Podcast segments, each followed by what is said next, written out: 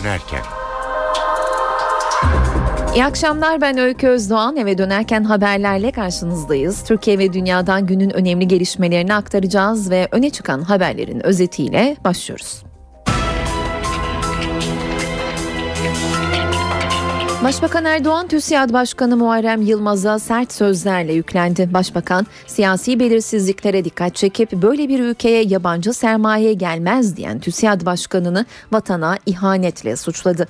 Başbakanın hedefindeki bir diğer isim de CHP'nin İstanbul Büyükşehir Belediyesi adayı Mustafa Sarıgül'dü. Erdoğan, CHP lideri Kemal Kılıçdaroğlu'na pazar gününe kadar süre verdi. Sarıgül'le ilgili CHP'nin geçmişte hazırladığı yolsuzluk dosyasını sen açıklamazsan ben açıklayacağım açıklayacağım dedi. CHP Parti Sözcüsü Haluk Koç ise Başbakan'a ne biliyorsan açıkla diye seslendi. Hükümet mecliste hem komisyon hem de genel kurul mesaisi kavgalı geçen HSYK teklifini buzdolabına kaldırma kararı aldı. Adalet Bakanı Bekir Bozdağ hakkında iki ayrı savcılığın yargıyı etkilemek suçlamasıyla tutanak hazırladığı ortaya çıktı. Tutanaklar İzmir ve Adana merkezi. Balyoz davasında bazı sanık avukatlarının yeniden yargılama talebi oy birliğiyle reddedildi. Yeniden yargılamayı gerektirecek delillerin olmaması karara gerekçe olarak gösterildi. Dolar müdahalelere rağmen gerilemiyor. Kur günü 2 lira 32 kuruştan kapattı. Döviz kurundaki yukarı yönlü hareketlilik akaryakıt fiyatlarını da etkiliyor. Benzinin fiyatına bu geceden geçerli litrede 11 kuruş zam yapıldı.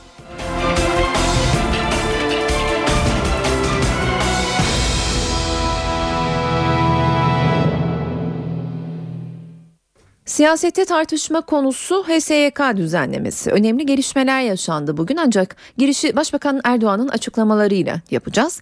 Başbakan partisinin seçim işleri toplantısında konuştu. Sert sözlerle TÜSİAD'a yüklendi. Başbakan siyasi belirsizliklere dikkat çekip böyle bir ülkeye yabancı sermaye gelmez diyen TÜSİAD Başkanı Muharrem Yılmaz'ı vatana ihanetle suçladı. Başbakan konuşmasında ana muhalefet CHP'ye de yüklendi. Bunu CHP'nin İstanbul Büyükşehir Belediye Başkan adayı Mustafa Sarıgül üzerinden gerçekleştirdi. Erdoğan CHP lideri Kemal Kılıçdaroğlu'na pazar gününe kadar süre verdi. Sarıgül ile ilgili CHP'nin geçmişte hazırladığı yolsuzluk dosyasını sen açıklamazsan ben açıklayacağım dedi. Başbakan'a yanıt CHP Genel Başkan Yardımcısı Haluk Koç'tan geldi. Hükümet mecliste hem komisyon hem de genel kurul mesaisi kavgalı geçen HSYK teklifini buzdolabına kaldırma kararı aldı. Başbakan Erdoğan teklifin Adalet Akademisi ile ilgili kısmı geçtikten sonra dondurulacağını açıkladı. Peki bu kararı nasıl varıldı? Gün boyu gerçekleşen görüşme trafiğinde neler yaşandı ve bundan sonra ne olacak? Tüm bu soruların yanıtını NTV muhabiri Miray Aktağ Uluç'tan alacağız. Miray seni dinliyoruz. Öykü komisyon aşamasında tekmelerin genel kurul görüşmesinde ise yumrukların havada uçuştuğu HSYK teklifi konusunda bugün son derece önemli gelişmeler oldu. Başbakan Recep Tayyip Erdoğan teklifin Adalet Akademisi ile ilgili kısmını geçtikten sonra dondurulacağını açıkladı. Başbakan Erdoğan bu teklifin bir bölümünün askıya alacağını açıklamasını yaptıktan sonra düzenlemeden vazgeçmediklerinin de altını çizdi. HSYK'yı geri çekmek gibi bir şey söz konusu değil. Şimdilik şöyle kenara çekip donduracağız dedi. Başbakanın bu açıklamaları Cumhuriyet Halk Partisi tarafından olumlu karşılandı. CHP lideri Kemal Kılıçdaroğlu bu yönde bir açıklama yaptı. Cumhurbaşkanı Abdullah Gül ise meclisi işaret etti ve mecliste siyasi bir faaliyet devam ediyor. Neticede siyasi kararları gruplar orada belirlerler dedi. Cumhurbaşkanı Abdullah Gül'den gelen bu açıklamanın ardından Türkiye Büyük Millet Meclisi'nde önemli bir toplantı da gerçekleşti bugün HSYK teklifiyle ilgili olarak. Meclis Başkanı Cemil Çiçek'in başkanlığında grup başkan vekilleri bir araya geldiler ve o toplantıda Meclis Başkanı Cemil Çiçek HSYK'nın yapısının anayasa değişikliğiyle birlikte değiştirilmesi gerektiğine işaret etti. Aynı zamanda mevcut teklifle ilgili partilere maddeler üzerinde değişikliğe gidilmesi konusunda bir çağrı yaptı. Maddeler üzerinde değişikliğe gidilmesi konusunda muhalefet partileri sıcak bakmadı. Ancak bu anayasa değişikliği konusu bundan sonra gündemimizde olacak bir başlık gibi görünüyor. Zira bu konuda Başbakan Erdoğan'ın açıklamalarının ardından hem AK Parti Grup Başkanı Başkan Vekili Mustafa Elitaş hem Adalet Bakanı Bekir Bozdağ hem de yine bir başka AK Parti Grup Başkan Vekili Mahir Ünal anayasa değişikliğine dikkat çektiler.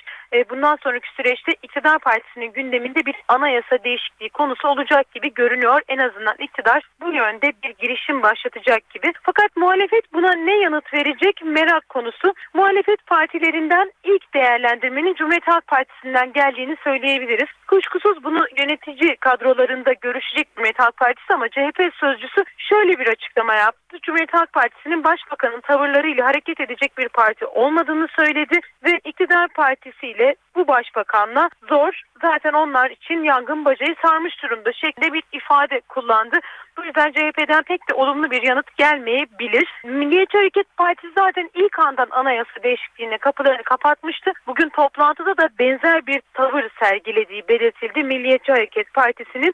E peki bundan sonra ne olacak? Öncelikle bugün halen görüşmeleri devam eden SYK teklifinin birinci bölümünün ilk 21 maddesi kabul edilecek. Bu ilk 21 maddede sadece Adalet Akademisi ile ilgili olan düzenlemeler var. Yani tartışmalı HSK düzenlemelerin hiçbiri Türkiye Büyük Millet Meclisi'nde genel kurulda tartışılmayacak. O düzenlemeler askıya alınmış olacak. Başbakan Erdoğan'ın bu açıklamalarının ardından ve danışma kurulu önerisiyle hafta sonunda Türkiye Büyük Millet Meclisi e, zannedildiği gibi çalışmayacak. Bunun yerine salı günü çalışmalarına devam edecek ve salı günü Türkiye Büyük Millet Meclisi açıldığında gündeminde HSK teklifi değil torba yasa olacak. Öykü. Teşekkürler Miray. NTV muhabiri Miray Aktağolucu dinledik. Az önce teknik bir aksaklıktan ötürü Başbakan Erdoğan'ın partisinin seçim müşteri toplantısında TÜSİAD'ı eleştirdiği konuşmasını aktaramadık. Şimdi Başbakan Erdoğan'ın konuşmasını dinliyoruz. Dün TÜSİAD Başkanı çıkıyor, olduğundan çok farklı bir Türkiye, olduğundan çok farklı bir manzara çizmeye çalışıyor. Neymiş? Hakimler, savcılar, şey kurulu bununla ilgili kanun teklifinden büyük rahatsızlık duyuyorlarmış. Senin rahatsızlık duyduğun ne? Peki ey TÜSİAD ananas meselesinden niye rahatsız değilsin? Uganda'da sizlere rafineri bağlantısı kuranlardan niye rahatsız değilsin? Yargı içindeki paralel örgütlenmenin iş dünyası üzerindeki ağır baskısından, şantajından rahatsızlıklarınız niye yok? Niye? Çünkü bazılarının işleri tıkır tıkır yürüyor. Ananaslar gelip gidiyor. Herhalde bu bildiğiniz ananas değil yani anlıyorsunuz. Bunlar farklı. Ananas bunun kod adıdır kod. Kalkıp da TÜSİAD'ın başkanı böyle bir ülkeye küresel sermaye gelmez ifadesini kullanamaz. Eğer kullanıyorsa bu bu ülkeye karşı bir ihanettir. Hangi yüzle? Bu idarenin, bu hükümetin bakanlarını TÜSİAD'a davet edeceksin. Adalet Bakanı Bekir Bozdağ hakkında iki ayrı savcılığın yargıyı etkilemek suçlamasıyla tutanak hazırladığı ortaya çıktı. Tutanaklar İzmir ve Adana merkezi. CHP Genel Başkan Yardımcısı Bülent Tezcan ise İzmir'den gönderilen tutanak değil fezleke dedi. Tezcan Bozdağ fezlekeyi hemen meclise gönder çağrısında bulundu. Bekir Bozdağ hakkında düzenlenmiş bir fezleke var ve Adalet Bakanlığı'na geldi. Bu fezleke yargı görevini etkilemeye teşebbüs suçunu içeriyor. Açıklama CHP Genel Başkan Yardımcısı Bülent Tezcan'dan geldi. İddiaya göre İzmir'de yürütülen yolsuzluk ve rüşvet operasyonunda yargıyı etkilemeye çalıştığı gerekçesiyle Adalet Bakanı Bekir Bozdağ hakkında fezleke hazırlandı. Fezleke 14 Ocak'ta bakanlık kayıtlarına girdi. Adalet Bakanı Bekir Bozdağ İzmir Cumhuriyet Başsavcısı Hüseyin Baş'ı arıyor ve aynı şekilde soruşturmaya müdahale etmesini istiyor. Ancak Adalet Bakanı söz konusu belgenin fezleke değil tutanak olduğunu söyledi. Adana Cumhuriyet Başsavcılığı tarafından hazırlanan benzer bir tutanağın daha olduğunu belirtti. Adalet Bakanı olarak insanların haysiyetine ve soruşturmanın gizliliğine riayet edilmesi konusunda hassasiyet gösterilmesini isteyebilirim. Bunlar hukuka uygun şeyler. Ancak birileri yargıya müdahale gibi göstermeye çalışıyor. İzmir Cumhuriyet Başsavcılığı daha önce de Adalet Bakanlığı Müsteşarı Kenan İpek hakkında aynı iddiayla tutanak hazırlayarak Hakimler ve Savcılar Yüksek Kurulu'na göndermişti. Emniyette görevden almalar sürüyor. İzmir Emniyet Müdürlüğü'nde aralarında 5 komiserin de olduğu 200 polisin görev yeri değiştirildi. Görevden alınanlar arasında İzmir'deki liman işletmelerine yönelik operasyonu gerçekleştiren polisler de bulunuyor. Samsun'a terörle mücadele şube müdürü pasif göreve atandı. Mersin'de ise istihbarat şubede 53 polis görevden alındı. HSYK düzenlemesi ve 17 Aralık sonrası gelişmeler konuşulurken dün Meclis Genel Kurulu'nda tartışma çıkmış ve AK Partili Oktay Saral, CHP Genel Başkan Yardımcısı Bülent Tezcan'a yumruk atmıştı. Bugün hem kavganın taraflarından hem de liderlerinden açıklama geldi. Önce herkes konuşmalarını daha yapıcı bir şekilde getirirsek bu tip gerginlikler de azalır. Bunlara ihtiyaç yok tabii ki. Moral bozucu. Ümit ederim ki bu son olmuş olur. Cumhurbaşkanı Abdullah Gül meclisteki yumruklu kavgayı böyle değerlendirdi. Başbakan Erdoğan ise CHP'nin tavrını eleştirdi. Durmadan oradan hakaretler, bağırmalar, çağırmalar, masalara vurmalar. Yani bunlar önce bir defa meclis oturumlarındaki adabı edebi öğrenmeleri lazım. Hoş bir durum değil, arzu etmezdik. Ama maalesef böyle bir durum oldu. Başbakan'a CHP'lilerin özür beklediği de hatırlatıldı. Erdoğan, aileme hakaret edenler benden özür dilesin dedi. CHP Genel Başkanı Kemal Kılıçdaroğlu ise tepkiliydi. Parlamento kaba gücün gösterildiği bir alan değildir. İnsanlar düşünceleriyle e, yarışabilirler. Ama düşünceye karşı yanıt vermeyip de kaba güçle düşünceye yanıt vermek e, orta çağdan kalan bir düşüncedir. E, biz bunu asla ve asla kabul etmiyoruz. Kavganın tarafları da kameraların karşısındaydı. Ben tabii üzgünüm. Bunun olmasını asla istemezdim. Ama anlık spontane gelişen bir durum oldu. İnsan bazen duygularına yenik düşüyor. Dün söylenecek her şeyi söyledik. Bunun üzerine söylenecek fazla bir şey olduğunu düşünmüyorum. Her şey milletimizin gözü önünde cereyan etti. Meclis Başkanı Cemil Çiçek de dün gerilimin ardından partilerin grup başkan vekilleriyle buluştu ve itidal çağrısı yaptı. Meclis bu görüntüyü hak etmiyor, bundan dolayı milletimizden özür diliyorum dedi. Balyoz davasında bazı sanık avukatlarının yeniden yargılama talebi oy birliğiyle reddedildi. Yeniden yargılamayı gerektirecek delillerin olmaması karara gerekçe olarak gösterildi.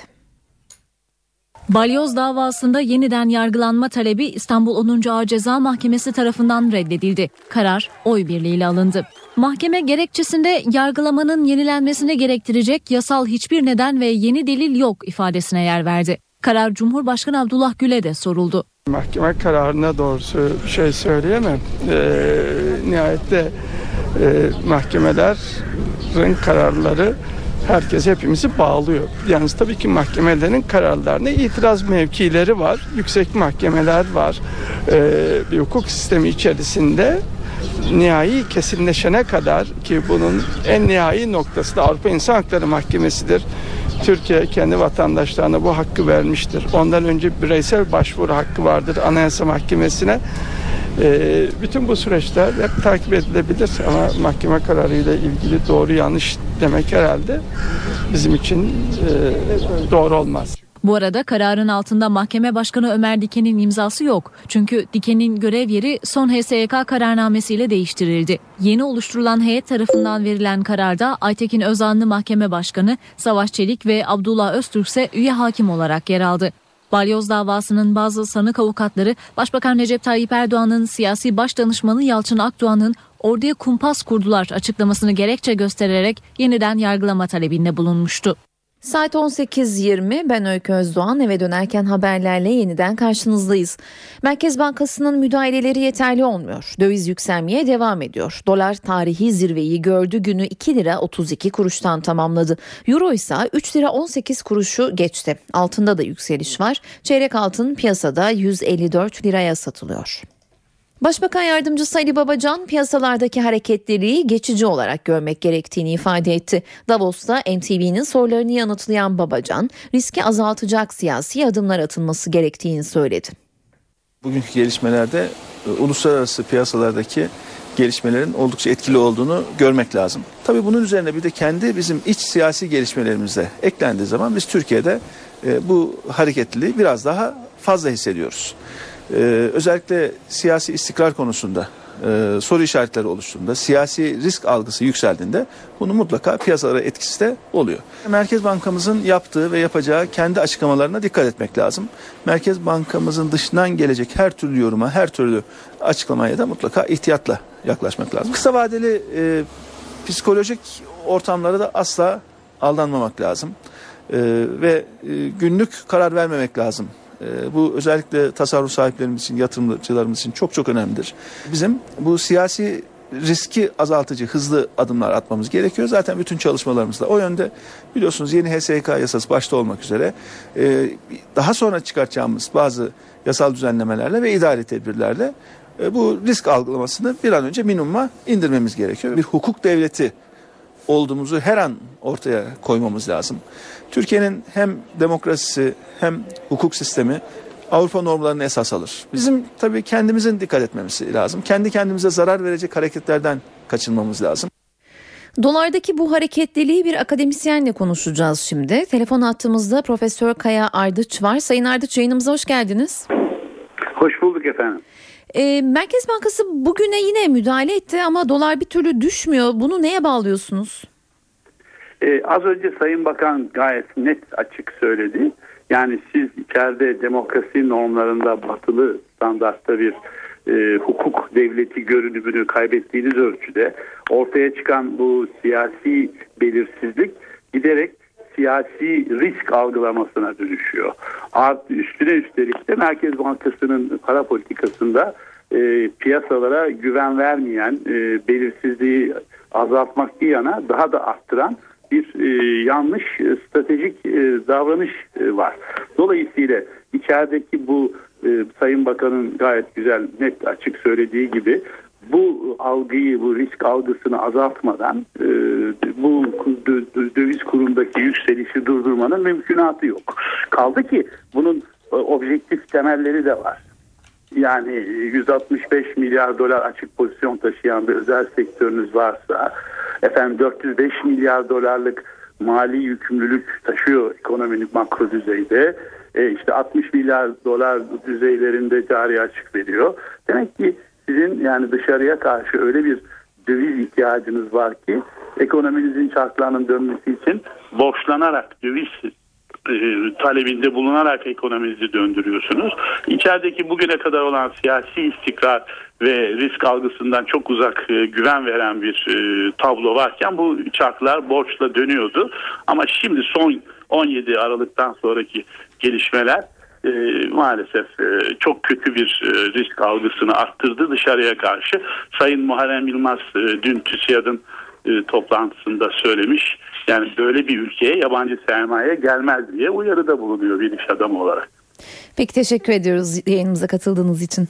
Rica ederim. Profesör Kaya Ardıç telefon hattımızdaydı. Devam edelim eve dönerken haberlere. Döviz kurundaki yukarı yönlü hareketlilik akaryakıt fiyatlarını da etkiliyor.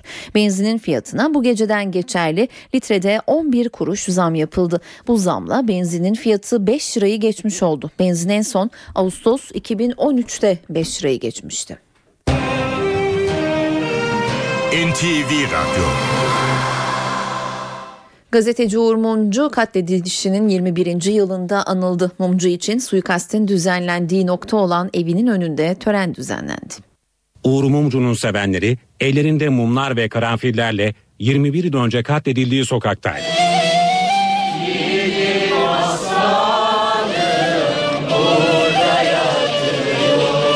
Meslektaşları, sivil toplum örgütleri, yazarlar, sanatçılar mumcu için bir araya geldi. Kimi karanfil bıraktı, kimi dua etti, mum yaktı. 21 yıldır aynı sokakta aynı acı, aynı özlem, hatta aynı görüntü. Mumcu katledildiğinde Maltepe Camii'nden çıkan cenaze törenindekiler şemsiyeleriyle bir kortej oluşturmuştu ve akıllardan hiç silinmedi o görüntü. İşte o görüntü 21 yıl sonra katledildi o sokakta tekrar karşımızda. Anma törenine katılan isimlerden biri de CHP lideri Kemal Kılıçdaroğlu'ydu. Mumcu'nun katledildiği yere karanfil bırakan CHP lideri asıl faillerin bulunması için bir kez daha çağrıda bulundu. Asıl failleri hala bulunamadı. Bu günleri 21 yıl önce okuyan ve bize anlatan Uğur Mumcu'ydu. Onu her zaman saygıyla anacağız. Uğur Mumcu için Cebeci mezarındaki kabri başında da anma töreni yapıldı. 13 yıl önce silahlı saldırıda şehit olan Emniyet Müdürü Gaffar Okan ve 5 polis memuru da Diyarbakır'da düzenlenen törenle anıldı. Diyarbakırlılar saldırının gerçekleştiği yere karanfil bıraktı. Şehit Emniyet Müdürü Gaffar Okan Sakarya Hendek'teki mezarı başında da anıldı. Törene şehidin ailesiyle dönemin Diyarbakır valisi katıldı. Yazar Musa Anter cinayeti dava dosyasına MIT tarafından dikkat çekici bir belge gönderildi. Belgede Yeşil Kod adlı Mahmut Yıldırım'ın Şemdin Sakı'yı öldürmek için MIT'e başvurduğu ancak bunun kabul edilmediği belirtiliyor. Gönderilen yazıda 1993 yılında Diyarbakır'daki bir jandarma yetkilisinin MIT'le yaptığı görüşmeye değinildi. Belgede Yeşil'in MIT'le ilişki kurmak istediği vurgulandı. MIT'in mahkemeye gönderdiği yazıda Yeşil, Şemdin Sakı'yı öldürmeyi planlıyor ve eylemden sonra İsviçre'ye gitme garantisi istiyor. Anılan teklif kabul edilmemiştir ifadesi yer aldı. İstanbul'da Hrant Dink'i anma yürüyüşünde görevli bazı polislerin beyaz bere takması tartışmaya neden olmuştu. İstanbul Valisi Hüseyin Avni Mutlu konuyla ilgili bir açıklama yaptı. Vali o polisleri uyardıklarını söyledi. Bugün orada onlarca hatta yüzlerce belki personelimiz var. Bu personeller içerisinde sadece iki tanesinin e, kendilerini bu şekilde daha iyi e, hissetmeleri bilemiyorum. Yani hangi gerekçeyle bunu e, takma lüzumunu hissetmişlerdir. Ama kendilerine verilmiş olan bir malzeme. Yani siz şayet şu saatte de kendinize verilmiş olan bir malzemeyi şapka veya bere kullanmak istiyorsanız yetkiniz vardır. Kullanabilirsiniz. Sadece iki kişinin yapmış olduğu şey. Ama şunu söyleyeyim. Tabii ki hassasiyet, dikkat, böyle bir güne mahsus özen itibariyle bunun e, bütün personeller tarafından fark edilir olması ve bu hassasiyetin gösterilmesi icap eder. Netice itibariyle şunu da söyleyeyim. Biz bunu fark ettiğimiz anda zaten gerekli uyarıyı yaptık ve bütün personellerimiz üzerinde bu tür dikkat çekici bir görüntü vermemeleri yönünde de gerekli talimatı o anda verdik. Biz gördüğümüz anda bu talimatı da verdik zaten. Sanatçı Nejat İşler'den iyi haber var. Bu sabah İşler'in tedavi gördüğü hastaneye giden CHP Genel Başkan Yardımcısı Gürsel Tekin çıkışta müjdeyi verdi. Tekin, Nejat İşler önümüzdeki günlerde yoğun bakımdan çıkabilecek duruma gelmiş dedi. Sayın Başhekim'de bilgi aldık. Olabildikçe iyiye gidiyor. Bugün daha iyi. İnşallah önümüzdeki günlerde Sayın Başhekim'in bize söyledi. Önümüzdeki günlerde yoğun bakımda çıkarılabilecek bir duruma gelmiş. Ben bütün sevenlerine bu müjdeyi burada vermek istiyorum. İyiye gittiğini ifade ettiler. Hayat tehlikesi yok. Yok şu anda yok. Samsun'da 3 çocuğa cinsel istismarda bulunduğu iddiasıyla 25 yıl hapis cezası alan sanık Adli Tıp Kurumu'nun raporuyla tahliye edildi. Rapora göre istismara uğrayan çocukların ruh sağlığı bozulmadı. 4 yıl önce Cihan Yavuz 3 çocuğa cinsel istismarda bulunduğu iddiasıyla tutuklandı. Samsun 19 Mayıs Üniversitesi çocukların ruh sağlığının bozulduğuna dair rapor verince yerel mahkeme sanığı 25 yıl hapis cezasına çarptırdı. Ancak Yargıtay raporun İstanbul Adli Tıp Kurumu'ndan alınması gerektiğini belirterek kararı bozdu. İstanbul Adli Tıp Kurumu ise mağdurların beden ve ruh sağlığının bozulmadığına karar verdi. Yeniden yargılanan sanığın cezasını 5 yıla indirdi ve sanık tutuklu kaldığı süre göz önünde bulundurularak tahliye edildi. NTV Radyo Eğitim öğretim yılının ilk yarısı bugün sona erdi. 17 milyon öğrenci karne aldı. 15 günlük tatil dönemi başladı. Milli Eğitim Bakanı Nabi Avcı karne gününde İstanbul'da bir okulda öğrencilerle bir araya geldi. Karnesinde kırık not olan çocukların velilerine tavsiyelerde bulundu. Fatmacığım niye ağlıyorsun? Karnım iyi gelmediği için. Nasıl karne? Birazcık kötü. Birazcık kötü. Evet. Ne yapacaksın? Ders çalışacağım bol bol. Tatile ders çalışacaksın. Evet. Ama Bakan Bey çalışmasınlar biraz geçsinler dolaşsınlar eğlensinler dedi. Ama kırıklarımı düzeltmem lazım. Karneler alındı, planlar yapıldı. 17 milyon öğrenci için yarı yıl tatili başladı. Okul öncesi, ilkokul, ortaokul ve lisede okuyan öğrenciler 2013-2014 eğitim yılının ilk yarısını tamamladı. Milli Eğitim Bakanı Nabi Avcı İstanbul'da Arnavutköy Şehit Çavuş Selçuk Gürdal Yatılı Bölge Okulu'nda düzenlenen karne törenine katıldı. Öğrencilere hediyeler dağıtan Bakan Avcı ağlayan çocukları teselli etti, velilere de uyarılarda bulundu. Bizim karnemizde de zayıflar olabilir bakanlık olarak. Onları da ikinci sömestrede biz de düzeltiriz. İkinci dönem öğrencileri yoğun bir sınav programı bekliyor. 8. sınıf öğrencilerinin ortak sınavları 28-29 Nisan'da yapılacak. Yüksek öğretime geçiş sınavı ise 23 Mart pazar günü gerçekleşecek. Yarı yıl tatili 10 Şubat pazartesi günü sona erecek. Adana'da karnelerinde zayıf olan öğrenciler coğrafya öğretmenini döverek hastanelik etti. Yeşilevler Endüstri Meslek Lisesi'nde bir grup öğrenci karneler dağıtıldıktan sonra notlarının zayıf olmasına tepki göstererek okul yönetimiyle görüşmek istedi. Coğrafya öğretmeni Hasan Kaplan da öğrencileri dağıtmak için bahçeye çıktı. Kaplan'la öğrenciler arasında tartışma çıktı. Öğrencilerden bazıları öğretmene saldırdı. Yüzüne aldığı yumruk darbeleriyle yaralanan Hasan Kaplan hastaneye kaldırıldı. Polis 3 öğrenciyi gözaltına aldı. Kayseri'de meydana gelen kazada hayatını kaybeden 21 kişiden 16'sı bugün Muş ve Malatya'da toprağa verildi. Facia ile ilgili soruşturma sürüyor. İddialar muhtelif. Kimisi otobüste eksikler vardı diyor. Kimisi ise şoförün uykusuz halde yola çıktığını, yolcuların emniyet kemeri takmadığını belirtiyor. Başka bir iddiaya göre ise bazı yaralılar geç gelen yardım nedeniyle donarak öldü. Donarak ölme iddiası bugün Sağlık Bakanı Mehmet Müezzinoğlu'na da soruldu. Bakan iddiayı yalanladı. Bakan Müezzinoğlu'nun gündeminde Kayseri'deki trafik kazasında hayatını kaybeden 21 kişi arasında ambulansların gecikmesi nedeniyle donarak ölenler olduğu iddiası vardı. Müezzinoğlu iddiayı sert bir dille reddetti. 2.41'de ambulans orada. 2.47'de ikinci ambulans ekibi orada. Burada birileri donarak öldü. Donarak öldü cümlesini verebilmeye yetkili tek bir kurum var. Adliye tıp. Ama şirketin sorumlusu donarak öldü. Bunu da biz flash haber vererek verirsek arkadaşlar bu sağlık camiası size hakkını helal etmez. İstanbul'dan bu sabah kaza haberi geldi. Neyse ki ölen olmadı. Bayrampaşa'da seyir halindeyken metrobüsün lastiği patladı. Kontrolden çıkan metrobüs önce direğe çarptı ardından bariyerleri aşıp E5'e girdi. Lastiği patlayan metrobüs kontrolden çıktı. Önce direğe çarptı, ardından bariyerleri aşıp E5'e girdi. Kazada bir yolcu hafif yaralandı. İstanbul olası bir faciayı ucuz atlattı. Kaza Bayrampaşa Maltepe durağı yakınlarında meydana geldi. Avcılardan Zincirlikuyu'ya doğru giden metrobüsün lastiği patladı. Şoför direksiyon hakimiyetini kaybedince metrobüs körük kısmından aydınlatma direğine çarptı. Ardından E5 ile metrobüs yolunu ayıran bariyerlere çarpan araç bir süre sürüklenerek durdu. Bir şey var mı bir şey? Şey acile basılır mı? Basamadım abi. Aracın durmasıyla birlikte yolcular panikle dışarı çıktı. Yaralanan bir yolcuysa şok geçirdi. Metrobüsün durakta bekleyenlere çarpmaması ve E5'e tamamen girmeden durması olası bir faciayı önledi. Saat 18.39 eve dönerken haberlerle yeniden karşınızdayız. Cenevre'de Beşar Esad yönetimiyle muhalifler arasında görüşmeler daha başlamadan çıkmaza girdi.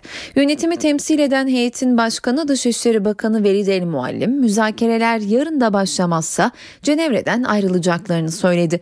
Yönetimle muhaliflerin bugün ilk kez doğrudan görüşmelere başlaması planlanıyordu ancak muhalifler Esad yönetimi 1. Cenevre konferansında alınan kararları kabul ettiğini belirtmediği sürece Suriye Dışişleri Bakanı Velid El Muallim'in başını çekti gerektiği heyetle görüşmeyeceklerini duyurdu. Suriye Enformasyon Bakanı ise geçiş hükümet önerisini kabul etmeyeceklerini vurguladı. Mısır'ın başkenti Kahire'de düzenlenen saldırılarda ölenlerin sayısı 5'e yükseldi. Kahire'de Emniyet Müdürlüğü önünde bomba yüklü aracın infilak etmesi sonucu 4 kişi hayatını kaybetti, 50 kişi de yaralandı. Kahire'de güvenlik güçlerinin önlem amacıyla bulunduğu bir metro istasyonu yakınında da bomba patladı. Bu saldırıda bir kişi yaşamını yitirdi, 15 kişi yaralandı. Saldırıları üstlenen olmadı. Yine Mısır'la devam ediyoruz. Yarın 30 yıllık üstü mübarek dönemine son veren 25 Ocak devrimini kutlama hazırlığında Mısır. Gergin bir zamana denk gelen yıl dönümü nedeniyle güvenlik güçleri alarma geçmiş durumda. Askeri yönetim destekçileri, liberal muhalifler ve Müslüman kardeşler yanlıları yarın farklı meydanlarda toplanma hazırlığında. Mısır'da tansiyon yine yüksek. 25 Ocak Mısırlıların 30 yıl süren Hüsnü Mübarek rejimini devirdikleri devrimin tarihi. Yıl dönümü ülkenin çalkantılı bir dönemine denk geliyor. 3 yılda iki cumhurbaşkanının devrildiği ülkede hala istikrar sağlanabilmiş değil. Her geçen gün güvenlik güçlerinin önlemlerine rağmen saldırılar tırmanıyor.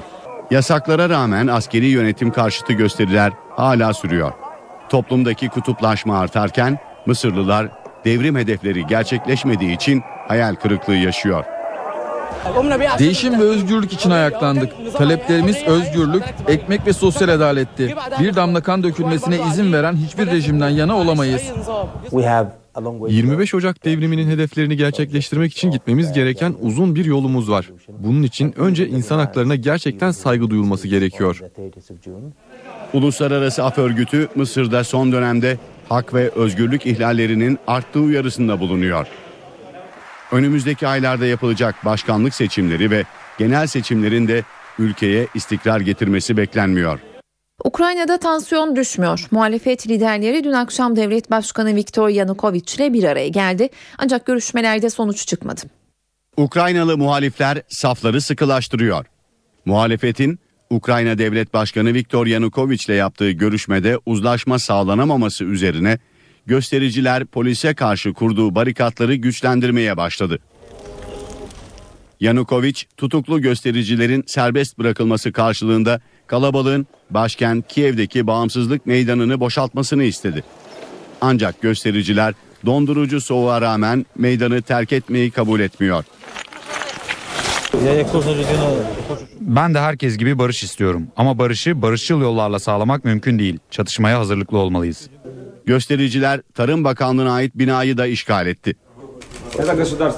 Burası halkın malı. Bizler de halkız ve bize ait olana zarar verecek değiliz. Ukrayna polisinin gözaltına aldığı bir göstericiyi çırılçıplak soyması ise tepki topladı. Polisin bu davranışının kabul edilemez olduğunu söyleyen Ukrayna İçişleri Bakanı özür diledi. Ukrayna'da iki aydır sokaklarda olan göstericiler Rusya yanlısı siyaset izlemekle suçladıkları hükümetin istifasını istiyor. Kanada'nın Quebec eyaletinde 52 yaşlının kaldığı bir bakım evi yanarak çöktü. 5 kişi hayatını kaybetti, 30 kişi kayıp. Ölü sayısının artmasından endişe ediliyor. Kanada'nın Quebec eyaletinde bir yaşlı evinde yangın çıktı. Alevler sert rüzgarın etkisiyle 52 kişinin kaldığı ahşap binayı hızla sardı. Yaş ortalaması 85 olan yaşlıların çoğunun yürüyemediği, bir kısmının da Alzheimer hastası olduğu belirtiliyor. 1400 itfaiyeci dondurucu soğukta alevlere güçlükle müdahale etti. Gece yarısı çıkan yangın ancak sabaha karşı söndürülebildi. İtfaiyenin yangını söndürmek için kullandığı su havanın eksi 22 derece olması nedeniyle dondu. Şu anda büyük problem binanın buzla kaplanmış olması. Çok hassas bir biçimde ilerlemeye çalışıyoruz. İçerideki ölülerin bedenlerine zarar vermemeye çalışıyoruz. Yangında ölenler oldu. Çok sayıda kişi de kayıp. Sadece 20 kişi kurtarıldığına dikkat çeken yetkililer enkazın kaldırılmasıyla can kaybının artmasından endişe ediyor. Alkollüyken araç kullanmak suçundan gözaltına alınan ünlü şarkıcı Justin Bieber kefaletle serbest bırakıldı. Dünyaca ünlü pop yıldızı Justin Bieber gözaltına alındıktan saatler sonra serbest bırakıldı. Bieber, Miami Beach yakınlarındaki bir caddede spor aracıyla yarış yaparken yakalandı. Ünlü şarkıcı mahkum kıyafeti giydirilerek çıkarıldığı mahkemede hakkındaki iddiaları kabul etti. Mahkeme Bieber'ı 2500 dolar kefaletle serbest bıraktı. Özel korumaları eşliğinde hapishaneden çıkan Bieber'ı kalabalık bir hayran kitlesi karşıladı. Justin Bieber özel aracının üstüne çıkarak hayranlarına el salladı. Ünlü şarkıcı alkolün ve uyuşturucunun etkisinde araç kullanmak ve yerleşim yerinde yarış yapmaktan gözaltına alınmıştı. Bu Justin Bieber'ın polisle başının derde girdiği ilk olay değil. Birkaç hafta önce de ünlü şarkıcının Los Angeles'taki evi komşusuna yumurta attığı şikayetleri üzerine polislerce aranmıştı. Justin Bieber 2012'de ise dikkatsiz otomobil kullanmakla suçlanmış ancak hakkında dava açılmamıştı. Transferde usulsüzlük yapıldığı iddiası başkanın sonunu getirdi. İspanyol takımı Barcelona'da Neymar'ın transferiyle ilgili yaşanan kriz kulüp başkanının istifasına neden oldu. Konunun mahkemeye taşınması üzerine Sandro Rosell 3,5 yıldır yürüttüğü görevden istifa ettiğini açıkladı. Brezilyalı futbolcu Neymar'ın transferiyle ilgili iddialar Barcelona Başkanı Sandro Rossel'i koltuğundan etti. 57 milyon euroluk transferde usulsüzlük yapıldığı iddialarının mahkemeye taşınmasının ardından Rosell istifasını açıkladı. 49 yaşındaki Rosel 3,5 yıldır yürüttüğü görevi başkan yardımcısı Joseph Maria Bartemeo'ya devretti. Uzun süredir aileme ve şahsıma yönelik tehditler karşısında sessiz kaldım. Başından beri Neyman transferinde her şeyin doğru yapıldığını söylüyorum. Ancak kulübün imajının zedelenmesine göz yumamam. Bu yüzden kulüp başkanlığından istifa etme kararı aldım. Neymar'ı geçtiğimiz yıl Santos'tan transfer eden Barcelona 22 yaşındaki futbolcuya 51,7 milyon euro ödendiğini açıklamıştı. Ancak İspanyol basını futbolcunun transferinin toplam 97 milyon euroya mal olduğunu iddia etti. Yapılan gizlilik anlaşması gereği ayrıntıları açıklanmayan sözleşme kulüp yönetimi içerisinde tartışmaya neden oldu. Kulüp üyelerinden Jordi Casses'in transferin soruşturulması için mahkemeye başvurmasının ardından yargıçlar iddianameyi kabul ederek hukuki süreci başlattı. Sırada vizyondakiler var. Bu hafta tamamı yabancı 8 yeni film var. I want to ask you what part of the country you come from. I originate from Canada. I guess where that is. Oh, I know where Canada is. I've been there myself. Bu hafta sinemalarda Türkiye dışından 8 film gösterime giriyor. Steve McQueen'in yönettiği 12 yıllık Esaret filminde Chiwetel Ejiofor, Michael Fassbender, Benedict Cumberbatch'la Paul Dano rol aldı. 9 dalda Oscar adayı olan filmde iç savaş öncesi Amerika Birleşik Devletleri'nde ailesiyle birlikte özgür yaşayan Solomon Northup'un köle olarak kaçırılması ve satılması sonrası yaşadıkları anlatılıyor. Film 71. Altın Küre ödüllerinde dram dalında en iyi film seçildi.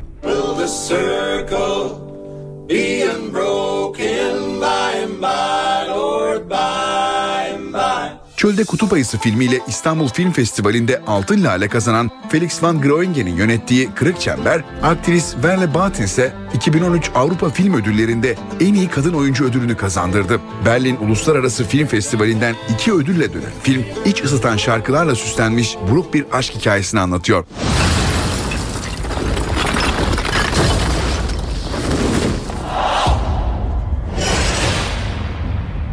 Frankenstein Ölümsüzlerin Savaşı, Doktor Viktor Frankenstein'ın kendi elleriyle yarattığı adamın hikayesini ele alıyor. Film yaratıldığı günden bu yana yaklaşık 200 yıldır amaçsız bir şekilde hayatını devam ettiren adamın kargo ve iblisler arasındaki savaşını anlatıyor. Film 1910 yılında ilk kez sinemaya uyarlandığından bu yana çeşitli örnekleriyle beyaz perdede yer aldı. Bu son uyarlamanın yönetmen koltuğunda ise Stuart Beatty bulunuyor. This situation. Somebody tried to kill me.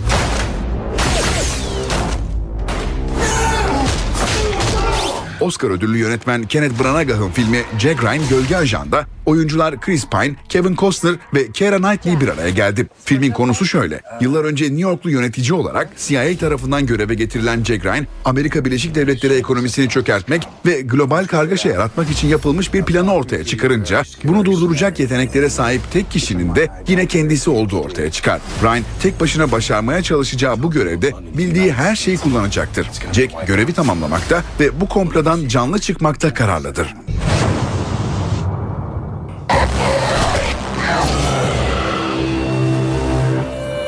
You want to survive this island, you're going to need more than that. Video oyunu Uzak Çığlığın sinemaya uyarlaması olan macera filminin yönetmenliğini Uwe Boll yaparken filmde Til Schweiger, Emmanuel Vaugier ve Udo Kier gibi isimler rol alıyor. Filmin konusuysa şöyle. Eski özel kuvvetler görevlisi Jack Carroll'la başarılı ve hırslı bir gazeteci olan Valerie, Pasifik'te bulunan bir adanın üzerinde var olan çok gizli bir askeri bilgiyle araştırma yapmaktadır. Yola çıkmak üzereyken Dr. Carrier tarafından verilen bir emir doğrultusunda ciddi bir saldırıya uğrayan ikili kontrolden çıkan askerlerden kaçarak hayatta kalma savaşının içine girerler.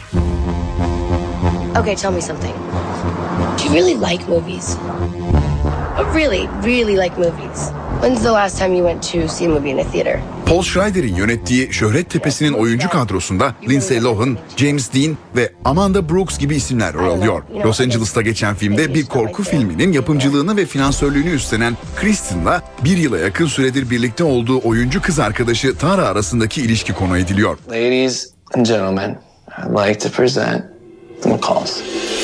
We're having a baby. Sırada korku ve gerilim türünde bir film var. Matt Bettinelli Olpin'le Tyler Gillett'ın yönettiği Şeytanın Günü'nde Zack Gilford, Alison Miller ve Sam Anderson gibi isimler rol alıyor. Flint? Sam, big news. I'm going back to Swallow Falls to destroy the Flintstoner, which is creating deadly food monsters who are trying to learn to swim so they can attack Lady Liberty.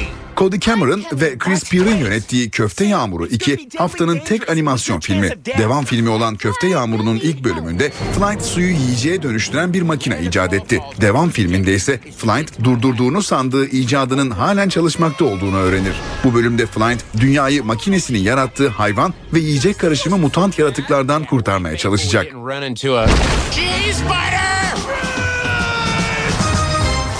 With a chance of meatballs too. Chimpanzee! Steve! Chimpanzee! Steve! Chimpanzee! Shove! Steve! Saat 19 ben Öykü Özdoğan eve dönerken haberlerin bu bölümüne günün öne çıkan gelişmelerinin özetiyle başlıyoruz. Başbakan Erdoğan, TÜSİAD Başkanı Muharrem Yılmaz'a sert sözlerle yüklendi. Başbakan siyasi belirsizliklere dikkat çekip böyle bir ülkeye yabancı sermaye gelmez diyen TÜSİAD Başkanı'nı vatana ihanetle suçladı. Başbakanın hedefindeki bir diğer isimse CHP'nin İstanbul Büyükşehir Belediyesi adayı Mustafa Sarıgül'dü. Erdoğan, CHP lideri Kemal Kılıçdaroğlu'na da pazar gününe kadar süre verdi. Sarıgül'le ilgili CHP'nin geçmişte hazırladığı yolsuzluk dosyasını sen açıklamazsan ben açıklayacağım dedi. CHP Parti Sözcüsü Haluk Koçsa Başbakan'a ne biliyorsan açıkla diye seslendi. Hükümet mecliste hem komisyon hem de genel kurul mesaisi kavgalı geçen HSYK teklifini buzdolabına kaldırma kararı aldı. Adalet Bakanı Bekir Bozdağ hakkında iki ayrı savcılığın yargıyı etkilemek suçlamasıyla tutanak hazırladığı ortaya çıktı. Tutanaklar İzmir ve Adana merkezli. Balyoz davasında bazı sanık avukatlarının yeniden yargılama talebi oy birliğiyle reddedildi. Yeniden yargılamayı gerektirecek delillerin olmaması karara gerekçe olarak gösterildi. Dolar müdahalelere rağmen gerilemiyor. Kur günü 2 lira 32 kuruştan kapattı.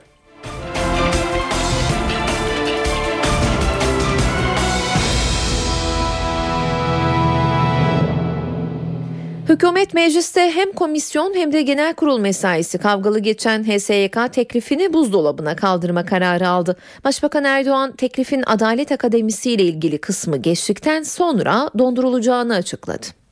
Adalet Akademisi ile ilgili olan 22 maddelik kısmı tamamlayacağız. Ve belki bir iki madde daha buna ilave olur. Ondan sonra bu süreci şimdilik kapatalım. Tartışmalı ESYK teklifinin bir bölümü askıda. Açıklama Başbakan Recep Tayyip Erdoğan'dan geldi. Ancak Başbakan HSYK düzenlemesinden vazgeçmediklerinin de altını çizdi. SYK'yı geri çekmek gibi bir şey söz konusu değil. Şimdilik şöyle kenara çekip donduracağız. Ama ileride herhangi bir gereklilik olursa tekrar genel kurulda bu süreci devam ettirebiliriz. CHP lideri Kemal Kılıçdaroğlu kararı olumlu karşıladı. Askıya alınması son derece doğru bir karardır. E, kararı alanları kutluyorum. Bu teklifin geri çekilmesi veya askıya alınması demokrasi açısından bir kazanımdır. Cumhurbaşkanı Abdullah Gül ise meclisi işaret etti. Mecliste siyasi bir faaliyet devam ediyor. Neticede e, siyasi kararlar e, gruplar orada verirler. Bu gelişmeler yaşanırken AK Parti Grup Başkan Vekili Mustafa Elitaş'tan bir kez daha anayasa değişikliği önerisi geldi. Elitaş, ana muhalefet samimi bir tavır sergilerse anayasa değişikliğiyle sorun çözülür dedi. Partilerin grup başkan vekilleriyle iki kez bir araya gelen Meclis Başkanı Cemil Çiçek de HSYK'nın yapısının anayasa değişikliğiyle yapılması gerektiğine işaret etti. Partilere uzlaşma çağrısı yaptı. Teklifi askıya alma kararından sonra Meclis Genel Kurulu 28 Ocak Salı günü HSYK düzenlemesi yerine internet düzenlemelerini içeren torba yasayı görüşecek. Adalet Bakanı Bekir Bozdağ hakkında iki ayrı savcılığın yargıyı etkilemek suçlamasıyla tutanak hazırladığı ortaya çıktı. Tutanaklar İzmir ve Adana merkezli. CHP Genel Başkan Yardımcısı Bülent Tezcan ise İzmir'den gönderilen tutanak değil fezleke dedi. Tezcan Bozdağ fezlekeyi hemen meclise gönder çağrısında bulundu. Bekir Bozdağ hakkında düzenlenmiş bir fezleke var ve Adalet Bakanlığı'na geldi. Bu fezleke yargı görevini etkilemeye teşebbüs suçunu içeriyor. Açıklama CHP Genel Başkan Yardımcısı Bülent Tezcan'dan geldi. İddiaya göre İzmir'de yürütülen yolsuzluk ve rüşvet operasyonunda yargıyı etkilemeye çalıştığı gerekçesiyle Adalet Bakanı Bekir Bozdağ hakkında fezleke hazırlandı. Fezleke 14 Ocak'ta bakanlık kayıtlarına girdi. Adalet Bakanı Bekir Bozdağ, İzmir Cumhuriyet Başsavcısı Hüseyin Baş'ı arıyor ve aynı şekilde soruşturmaya müdahale etmesini istiyor. Ancak Adalet Bakanı söz konusu belgenin fezleke değil tutanak olduğunu söyledi. Adana Cumhuriyet Başsavcılığı tarafından hazırlanan benzer bir tutanağın daha olduğunu belirtti. Adalet Bakanı olarak insanların haysiyetine ve soruşturmanın gizliliğine riayet edilmesi konusunda hassasiyet gösterilmesini isteyebilirim. Bunlar hukuka uygun şeyler. Ancak birileri yargıya müdahale gibi göstermeye çalışıyor. İzmir Cumhuriyet Başsavcılığı daha önce de Adalet Bakanlığı Müsteşarı Kenan İpek hakkında aynı iddiayla tutanak hazırlayarak Hakimler ve Savcılar Yüksek Kurulu'na göndermişti. Başbakan ana muhalefet CHP'ye yüklendi. Bunu CHP'nin İstanbul Büyükşehir Belediye Başkan adayı Mustafa Sarıgül üzerinden yaptı. Erdoğan CHP lideri Kemal Kılıçdaroğlu'na pazar gününe kadar süre verdi. Sarıgül'le ilgili CHP'nin geçmişte hazırladığı yolsuzluk dosyasını sen açıklamazsan ben açıklayacağım dedi. Başbakan'a yanıt CHP Genel Başkan Yardımcısı Haluk Koç'tan geldi. Eğer pazar gününe kadar pazar gününe kadar sen İstanbul Büyükşehir adayınla alakalı o yolsuzluk klasörünü açıklamazsan ben Cumhuriyet Halk Partisi'nin özet raporunu kendim açıklayacağım. Eğer dürüstsen, eğer yolsuzluğa karşı mücadelede samimiysen önce İstanbul adayının klasörünü açıkla. Herhalde dün gece eline yeni anket tutuşturdular. İstanbul gitti gidiyor. Efendim Mustafa Sarıgül ile ilgili şu iddialar var. Pazara kadar açıklarsın, açıklarsın. Açıklamazsan ben açıklarım. Elini kolunu tutan yok. Dilini bağlayan yok. Ayağına takılan yok. Emniyet senin, yargı senin, polis senin, istihbarat senin. Cumhuriyet Halk Partisi burada, Mustafa Sarıgül İstanbul'da. Ne biliyorsan bu akşama açıkla. Hemen açıkla. Hodri meydan. Şantaj. Tehdit. Bir başbakana yakışır mı siyasette? Beklenen görüşme yarın gerçekleşecek. Suriye'de akan kanın durdurulması için Cenevre'de kritik bir toplantı yapılıyor. Az önce Birleşmiş Milletler Suriye özel temsilcisi Lahta Brahimi'den kritik bir açıklama geldi. Brahimi, Şam yönetimi yetkilileriyle muhaliflerin yarın aynı odada yüz yüze görüşeceklerini söyledi. Brahimi, taraflar Cenevre birinci bildirisinin ilkelerini kabul ediyor dedi. Cenevre bir konferansında Suriye'de geçiş hükümeti kurulması kararı alınmıştı. NTV Radyo Kültür sanat var sırada eve dönerken haberlerde günün etkinliklerinden öneriler sunacağız. Salon İKSV İstanbul Perdesiz Gitar'ın mucidi ve en büyük icracısı Erkan Oğur'u ağırlıyor bu akşam. Erkan Oğur'un doğaçlama türkülerden oluşan iddiasız ve sınırsız saf müzik ziyafeti saat 21.30'da başlıyor. Caz müziğin naif sanatçısı Luisa Sobral İş Sanat Kültür Merkezi'nde olacak bu akşam. Performans başlama saati 20. The Mekan sahnesinde ise Hakan Vreskala dinlenebilir bu akşam. Vreskala performansına saat 22.30'da başlıyor. Cenk Taner son albümü yoldan çıkmış şarkılardan sevdiğiniz şarkılarla Shaft Club'da sevenleriyle buluşuyor bu akşam. Performans başlama saati 22. BKM Mutfak sahne Alan Halsey'i ağırlıyor bu akşam. Performans başlama saati 22. Rock vokalisti Aylin Aslım da Beyoğlu Hayal Kahvesi'nde sevenleriyle buluşuyor. Aylin Aslım performansına saat 22'de başlıyor. Zeki Alasya ilk solo albümü Suskun'la Mask Live Music Club sahnesinde olacak bu akşam. Performans başlama saati 22. Bu akşam saat 22'de Türkiye'nin en başarılı seslerinden Levent Yüksel, Jolly Joker İstanbul sahnesinde sevenleriyle buluşuyor. Garaj İstanbul'da ise Göksel sahne alıyor bu akşam. Büyük ilgi gören son albümü Bende Bir Aşk Var'la Göksel saat 23'te sevenleriyle olacak. Berlin çıkışlı Alessandro ve Federico Fognini ikilisinden oluşan Mind Against Babylon'da olacak bu akşam. Performans başlama saati 22. Usta müzisyen İlham Gencer, İpek Dinç'le birlikte Jazz Company'de sevilen caz standartlarının yanı sıra Latin parçalarını da seslendirecek bu akşam. Performans başlama saati 22. Tiyatro ve modern dansın karışımı Todes Attention, Türker İnanoğlu Show Center'da görülebilir bu akşam. Alla Duhova'nın şık kostümler, orijinal ışık, müzik ve olağanüstü bir koreografiyle zenginleştirdiği bu parlak, derin, çok yönlü duygusal şovu saat 21'de başlıyor. Tiyatro severler için de bazı önerilerimiz olacak. Emek sahnesinde Kırmızı Yorgunları sahneleniyor bu akşam. Oyun bireyin yalnızlığını, çıkmazlarını ve yalanlarını kendilerine sahte kişilikler yaratarak hayatlarını bir oyuna dönüştürerek kaçınılmaz sonlarını hazırlayan 5 kişinin öyküsünü anlatıyor. Özden Yula'nın kaleme aldığı oyunda Barış Atay, Sezgi Mengi, Pınar Yıldırım, Ayçe Abana, Füsun Erbulak gibi isimler rol alıyor. Oyun saat 20.30'da açıyor perdelerini. Devlet tiyatroları Cevahir sahneleri Salon 2'de kuyruklu yıldız altında bir izdivaç görülebilir bu akşam.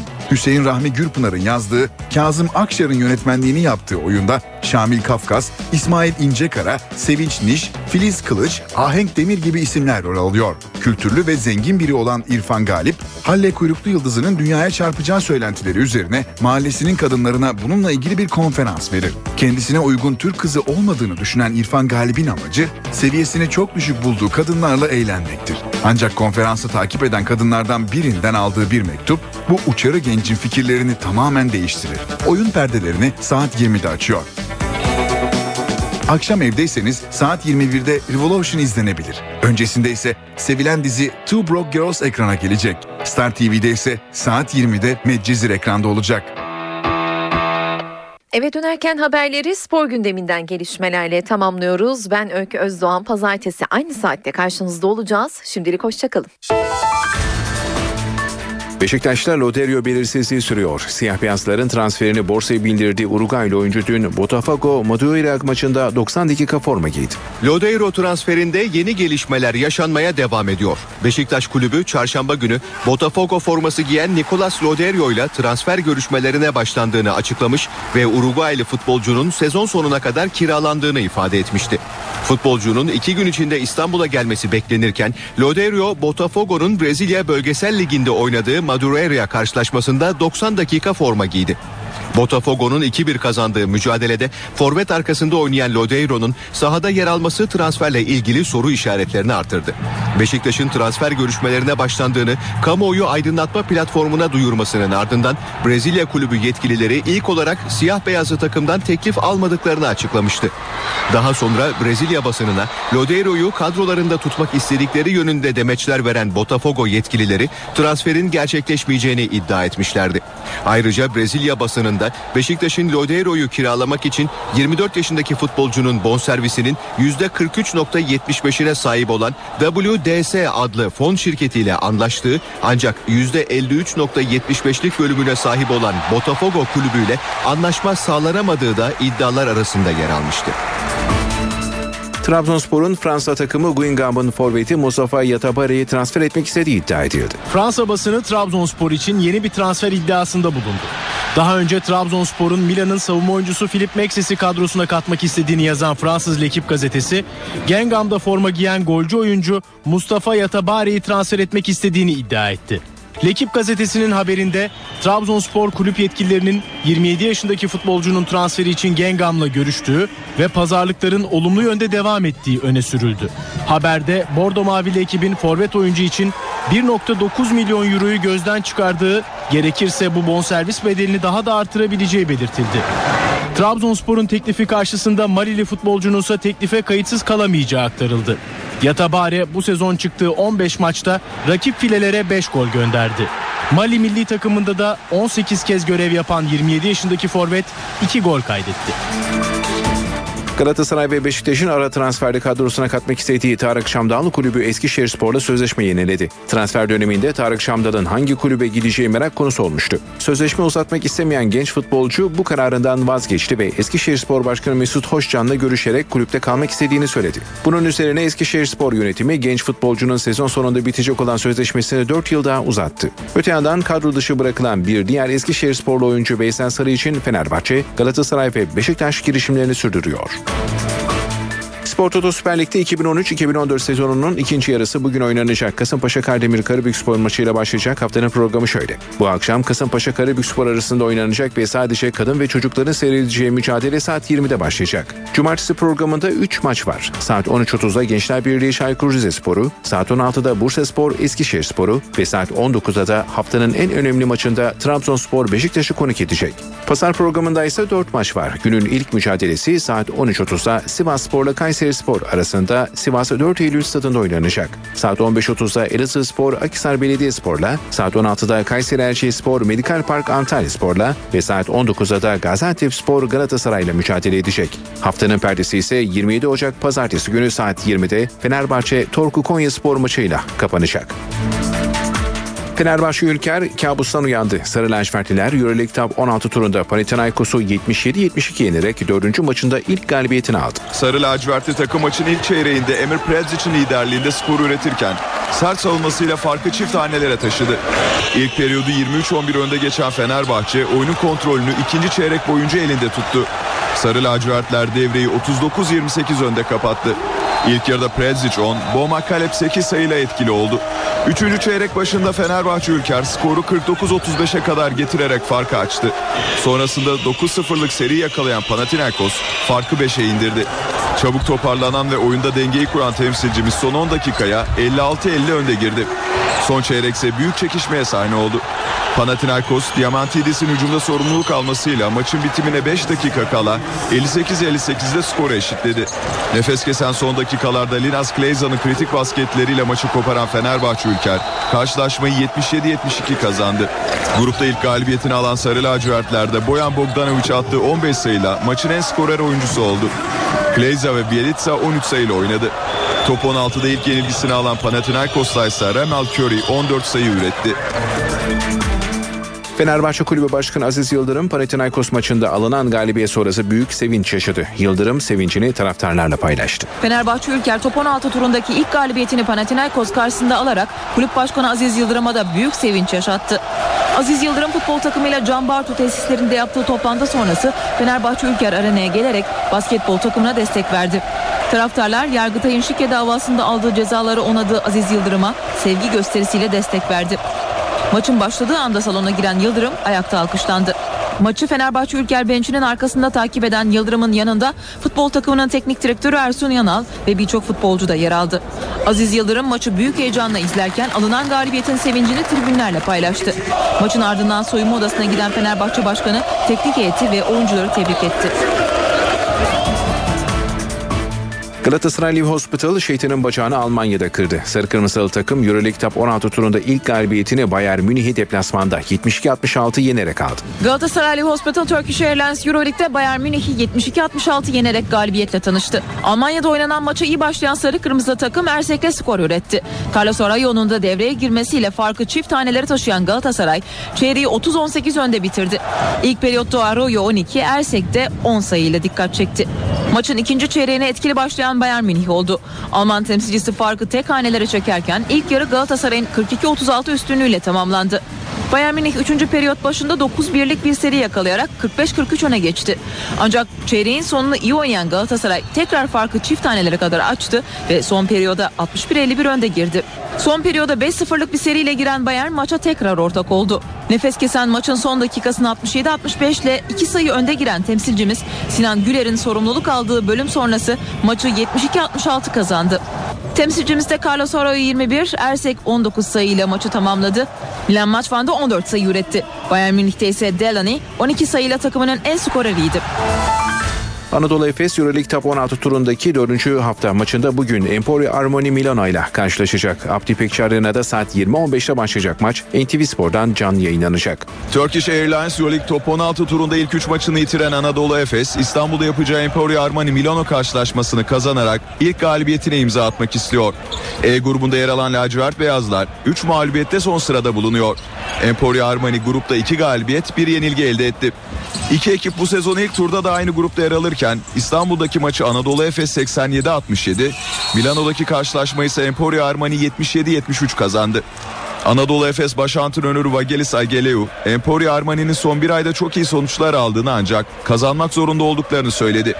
Ageleu kulübün internet sitesine yaptığı açıklamada rakiplerinin birebir oyunlarda çok başarılı olduğunu kaydederken bu nedenle coşkuyla oynuyorlar ve maçın diğer parametrelerinde de kendilerine güveniyorlar. Öncelikli olarak defansımız üzerinde yoğunlaşarak oyunun ritmini kontrolümüz altında tutmalıyız ifadelerini kullandı. Anadolu Efes'in İtalyan temsilcisi Emporio Armani Milano ile yapacağı E grubu 4. hafta maçı Abdi İpekçi Spor Salonu'nda saat 20.15'te başlayacak ve NTV Spor'dan canlı yayınlanacak.